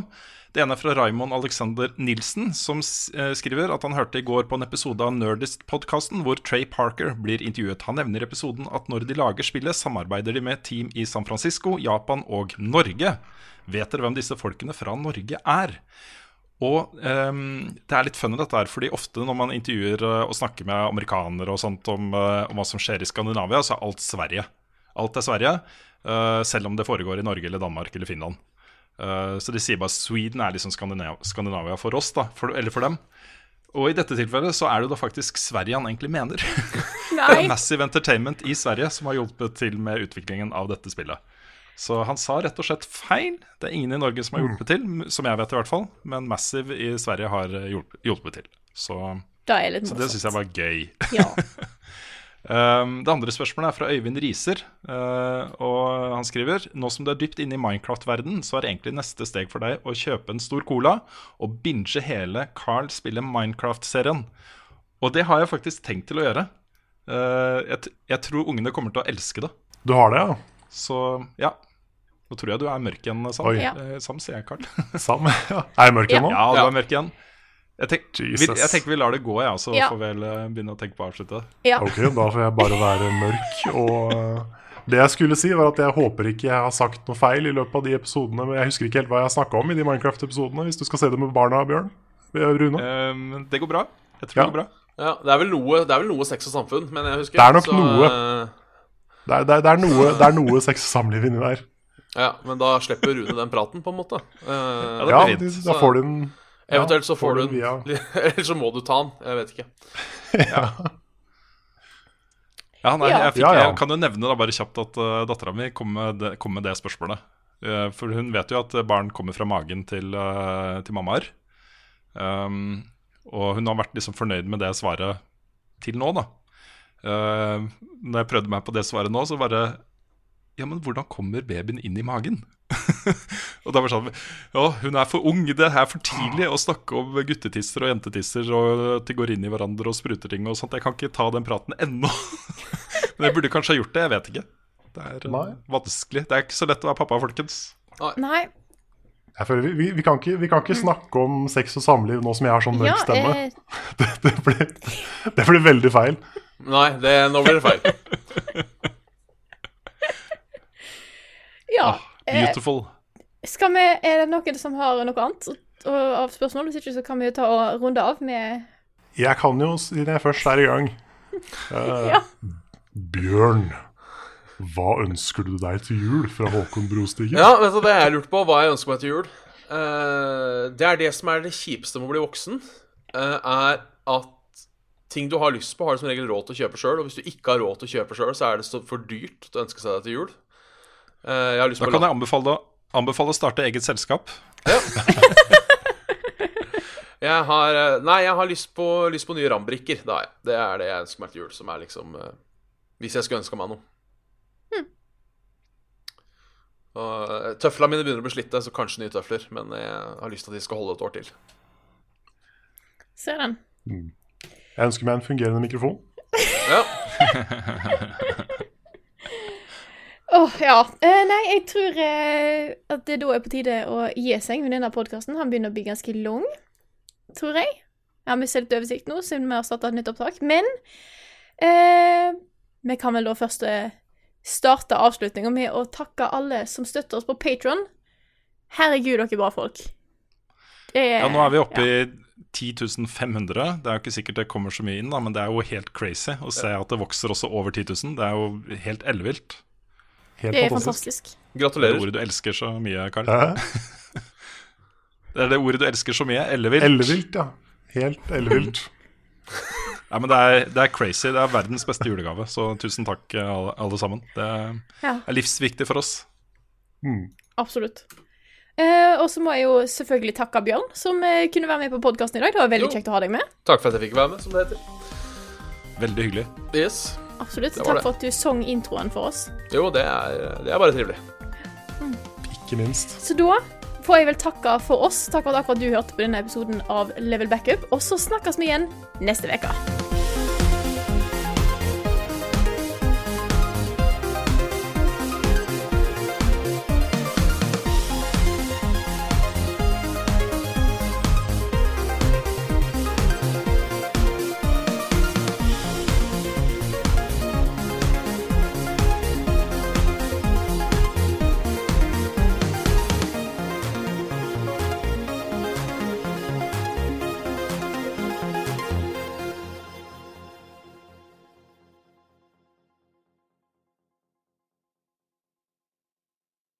Har du et enkeltpersonforetak eller en liten bedrift? Da er du sikkert lei av å høre meg snakke om hvor enkelt det er med kvitteringer og bilag i fiken, så vi eh, gir oss her, vi. Fordi vi liker enkelt. Fiken superenkelt regnskap.